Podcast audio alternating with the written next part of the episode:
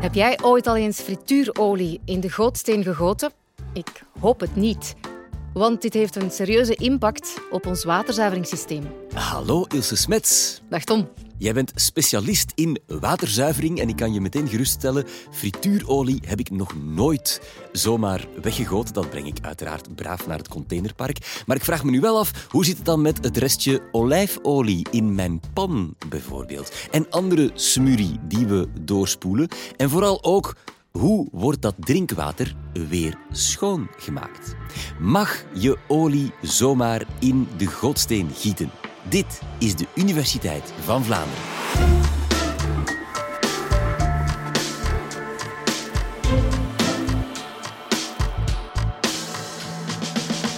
Misschien herken je je wel in de volgende situatie. Als ik honger heb en er is niet direct eten in het vooruitzicht, dan ben ik amper te genieten. Getuigen mijn huisgenoten. Ik heb dan ook al dikwijls gedacht, ik val dood van de honger. Wel, dat is eigenlijk, even oneerbiedig gezegd, moeilijk. Of zou in elk geval lang duren. Want we kunnen toch zo ongeveer een maand overleven zonder eten. Doodgaan van de dorst daarentegen, dat is op twee à drie dagen een feit. We kunnen amper een paar dagen overleven zonder water.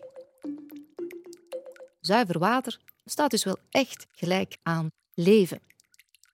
Ook de Verenigde Naties zijn zich daar terdege van bewust en hebben als een van hun belangrijke duurzaamheidsdoelstellingen dat iedereen toegang moet hebben tot zuiver water en een deftig sanitair. De vraag hoe we water zuiver kunnen houden of krijgen is dus een zeer terechte vraag en is eigenlijk een vraag van levensbelang. Om die vraag wat ruimer te kaderen, neem ik jullie graag eerst even mee naar het oude Egypte. Als we aan dat oude Egypte denken, denken we meteen aan de piramides en misschien toch ook wel aan de Nijl.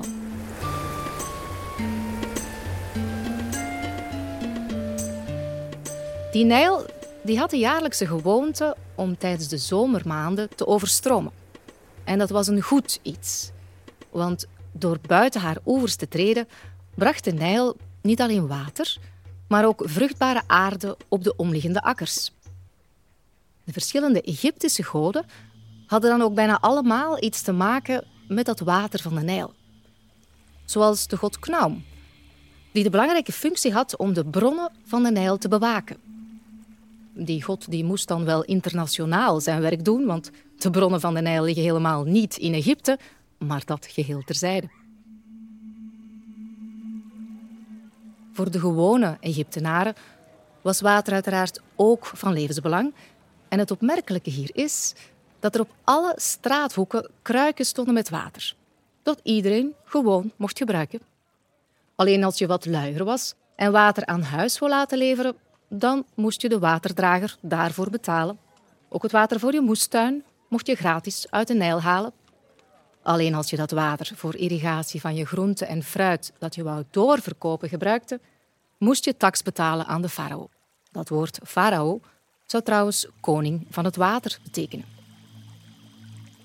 Als er al eens gezegd wordt dat vroeger alles beter was, dan kan je hier inderdaad de bedenking maken dat er vandaag nog heel veel plaatsen in de wereld zijn waar drinkbaar water niet direct uit de kraan stroomt en waar mensen nog tientallen kilometers moeten wandelen voor water. Er is dus nog letterlijk een lange weg te gaan voor het behalen van onze duurzaamheidsdoelstelling rond zuiver water. En dan laat ik hier zelfs nog het virtuele waterverbruik buiten beschouwing. Dit virtuele waterverbruik is het water dat nodig geweest is om alles wat we eten en alles wat we verbruiken of aan hebben als kleding te maken. Als we bijvoorbeeld het water erbij tellen dat nodig geweest is om onze dagelijkse voeding te produceren, dan komen we al gauw aan meer dan 5000 liter per dag. Heel veel water dus per persoon per dag. Waar moet al dat water dan vandaan komen? Uit de natuur, uiteraard. We leven op een blauwe planeet, dus lijkt er niet direct een probleem te zijn. Maar niets is minder waar. er is niet één, maar er zijn drie problemen. Het eerste probleem is dat niet al dat water dat er op aarde is, geschikt of beschikbaar is. Het grootste deel van het beschikbare water is zoutwater in onze zeeën en oceanen.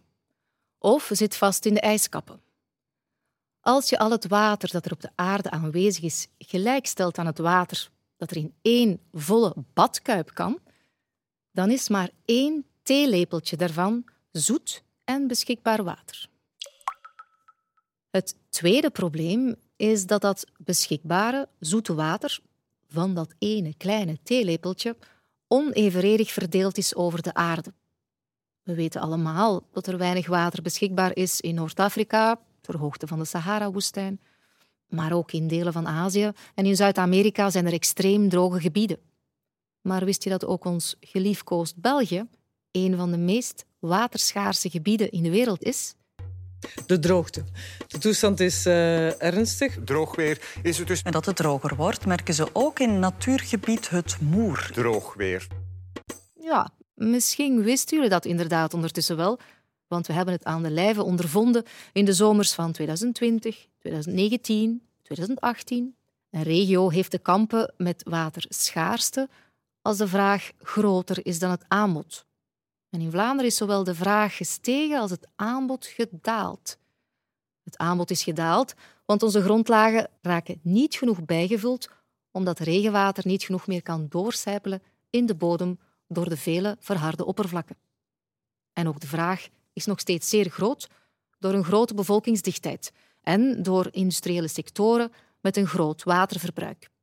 Zoals de diepvriesgroentesector bijvoorbeeld in West-Vlaanderen, die voor het wassen van de groenten, het blancheren ervan en het telkens goed reinigen van alle installaties zeer veel water verbruikt. Tot slot is het derde probleem dat het beschikbare zoete water niet altijd van goede kwaliteit is. Nochtans moet uit dat water ons drinkwater gemaakt worden. Hoe gaat dat dan precies in zijn werk? Wel, om drinkwater te maken zijn er in België twee bronnen die we kunnen gebruiken. Zo'n 60% van ons drinkwater wordt uit grondwater gemaakt, dus uit water van de watertafels onder de grond. De overige 40% wordt uit oppervlaktewater gemaakt. Dat is water zichtbaar aan de oppervlakte, zoals rivieren. Met het beste voorbeeld hiervoor in België de Maas. Om van dit water drinkwater te maken, wordt er meer en meer beroep gedaan op membraanfiltratie. Het principe hiervan is eenvoudig. Een membraan is een filter, zoals een zeef of een koffiefilter. Het is dus een materiaal waarin fijne gaatjes zitten. Alles wat kleiner is dan de gaatjes kan erdoor, alles wat groter is, wordt tegengehouden. Hoe kleiner de gaatjes, hoe zuiverder het water dat er doorkomt. Maar hiervoor moet je ook meer druk zetten om dat water erdoor te persen. En die hogere druk die vraagt meer energie en dus meer geld. Voor diegenen die zich afvragen of op die manier, met die membraanfiltratie, zelfs van zout water, zoals ons zeewater, drinkwater kunnen maken, is het antwoord ja.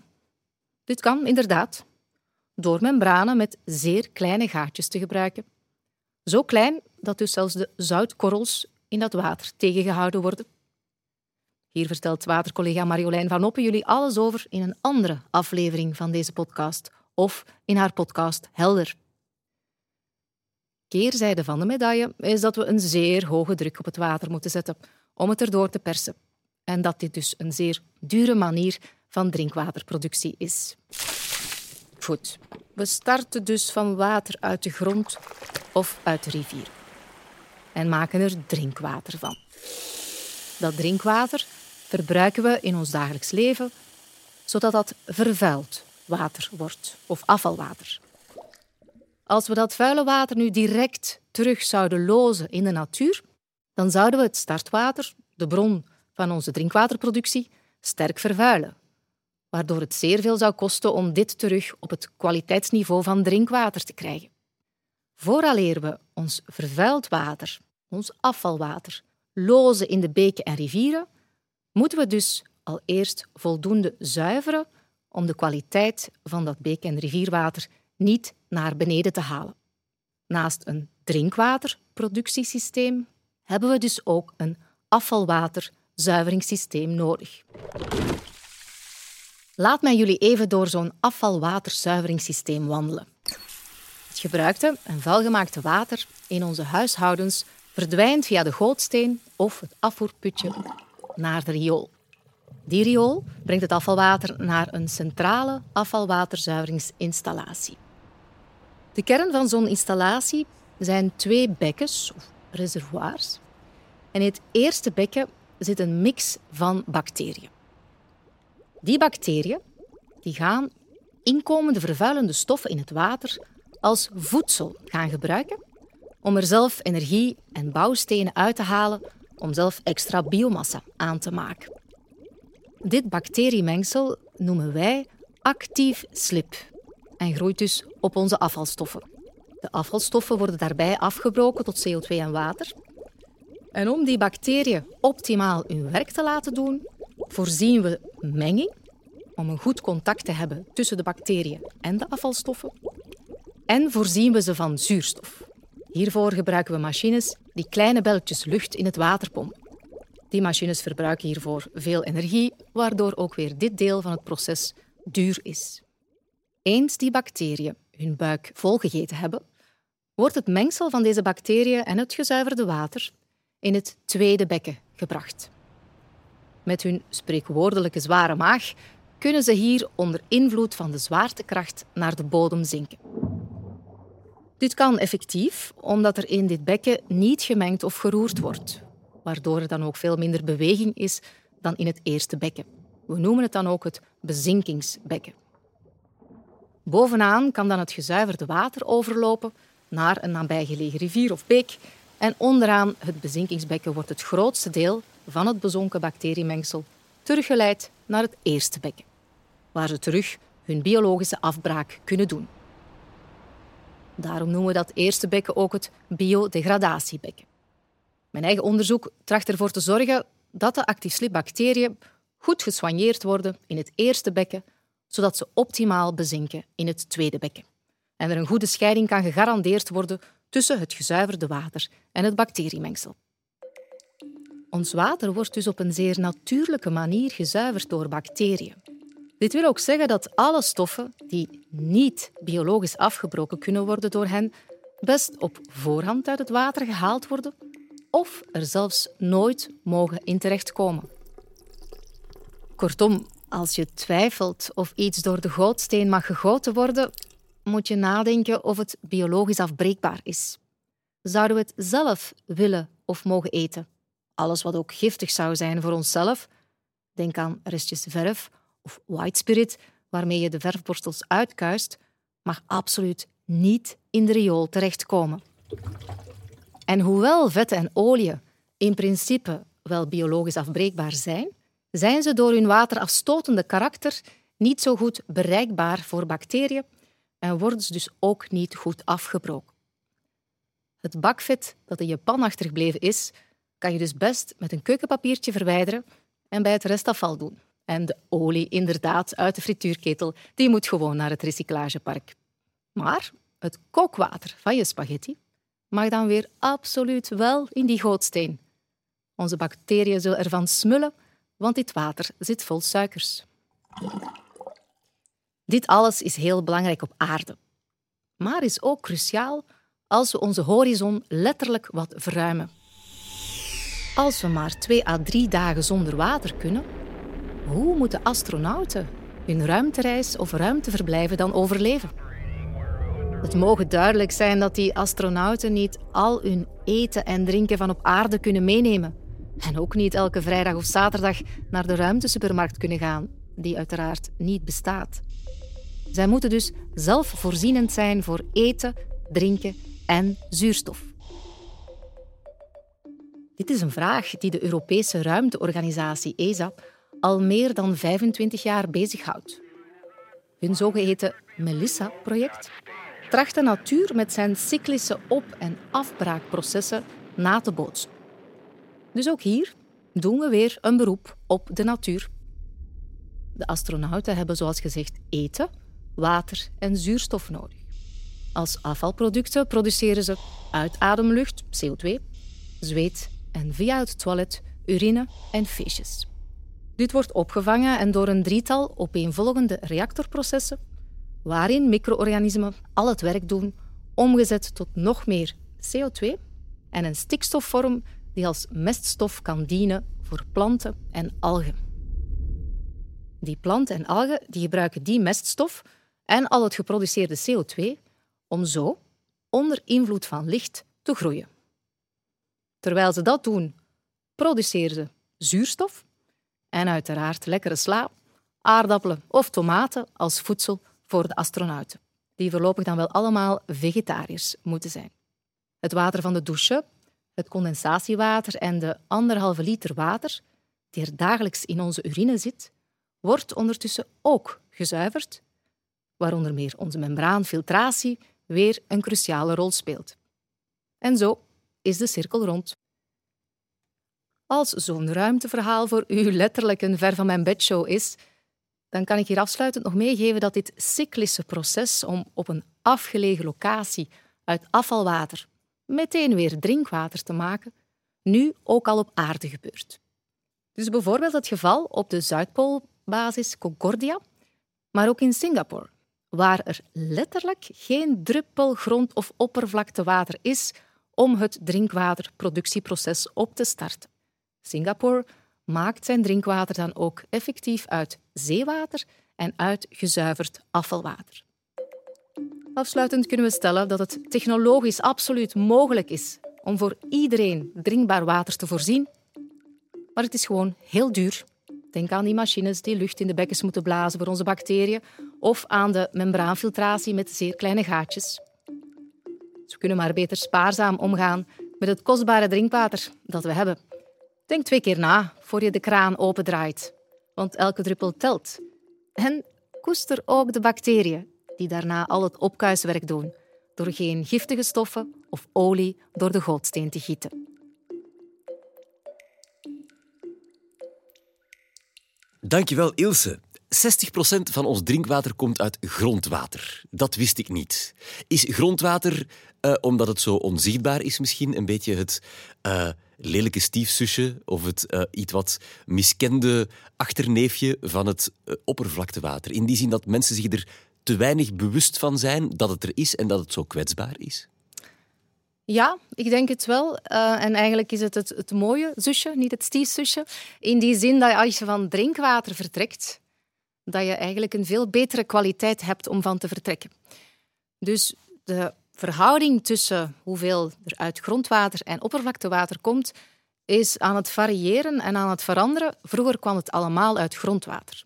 Omdat je dan eigenlijk bij wijze van spreken enkel wat ijzer moest uithalen. En dat is een veel minder intensief zuiveringsproces als we nu nodig hebben.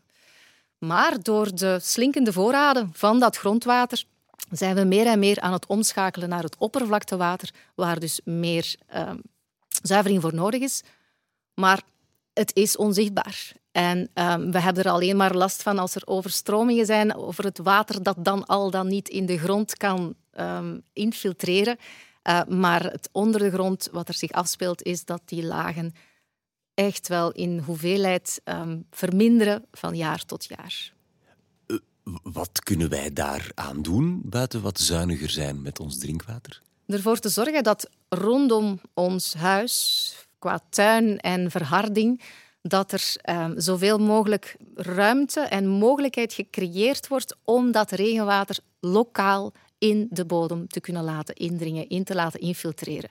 Dus veel regenwater mag je opvangen en dat kan dan in het huishouden gebruikt worden, waardoor je dan weer minder drinkwater gebruikt.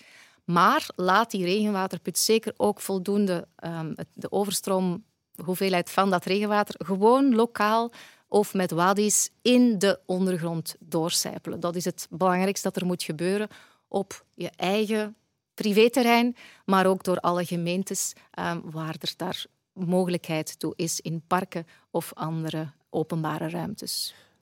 Hoe ver zitten we van een soort uh, kritieke grens wat ons waterverbruik in Vlaanderen betreft. Want we zijn niet zuinig, we zijn zelfs heel erg speelzuchtig. Eh, gaat dat, gaat dat op een gegeven moment echt onmogelijk worden om ons gedrag vol te houden?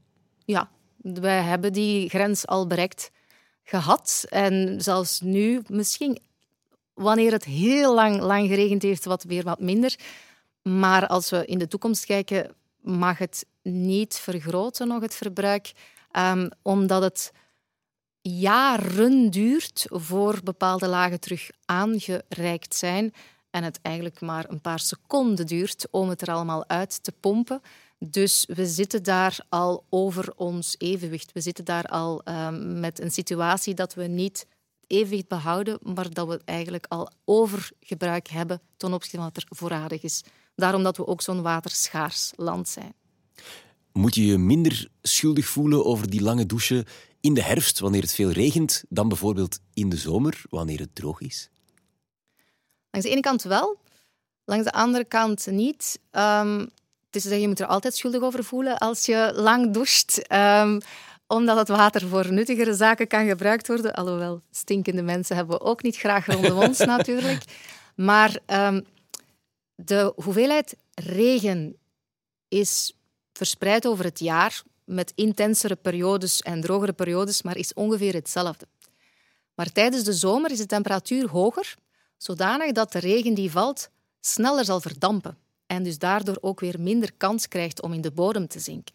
Dus in de winter zal er van de regen die valt relatief gezien wel net iets meer in de bodem kunnen zinken, infiltreren, dan in de zomer door die verdamping die hoger is door de hogere temperatuur.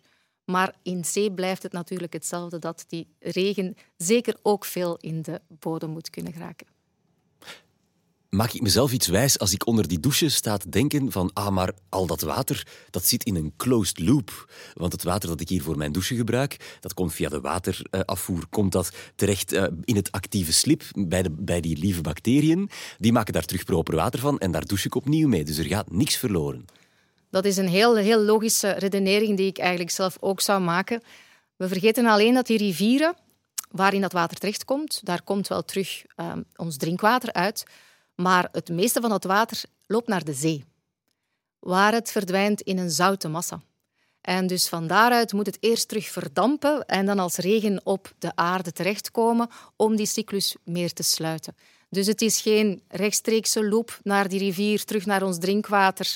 Een stukje wel, maar het grootste deel niet. We zitten daar nog met dat uh, zeeverhaal, dat zoute verhaal, dat het eigenlijk maakt dat we, als we van daaruit die hoeveelheid terug moeten gaan recupereren, dat we hoge kosten gaan hebben. Zit er toekomst in desalinatie van, van zeewater? Het is, het is ongelooflijk energieintensief. Maar je zou kunnen denken, als de technologie zich ontwikkelt of als we um, betere manieren vinden om energie op te wekken, groenere manieren, dat ons waterprobleem misschien opgelost is.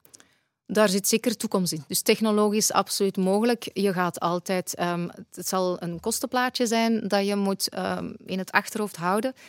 En als je het kan vermijden dat je naar die oplossing moet gaan, zoveel te beter. Maar het is mogelijk en het wordt al meer en meer gebruikt, ook om bijvoorbeeld grondwaterlagen aan te vullen. Om toch ook weer ervoor te zorgen dat we de natuur zijn werk kunnen laten doen en grondwaterlagen um, bevoorraden.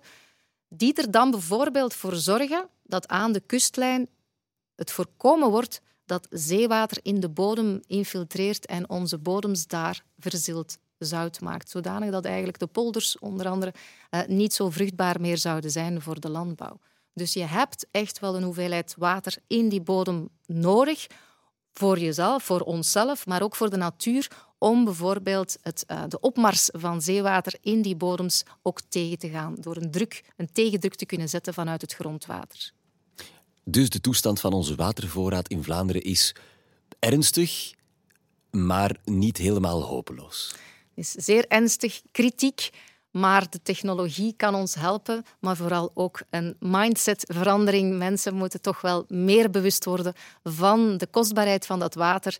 Zeker ook als er in de zomer alle zwembadjes moeten gevuld worden, kan dat eventueel toch met een andere bron van water of kunnen we wat langer met datzelfde water proberen toekomen. Dankjewel, Ilse Smets. En ik beloof ook dat ik vanaf nu altijd mijn vuile pan met een doekje zal uitkuisen voor ik hem afwas onder de kraan. Wist je trouwens dat er nooit meer of minder water op aarde geweest is? Als je wil weten hoe de aarde werkt als een perfecte waterrecycleerder aan zich, dan verwijs ik je graag naar aflevering 335 met Marjolein van Oppen. Heel graag tot daar of tot een volgende keer.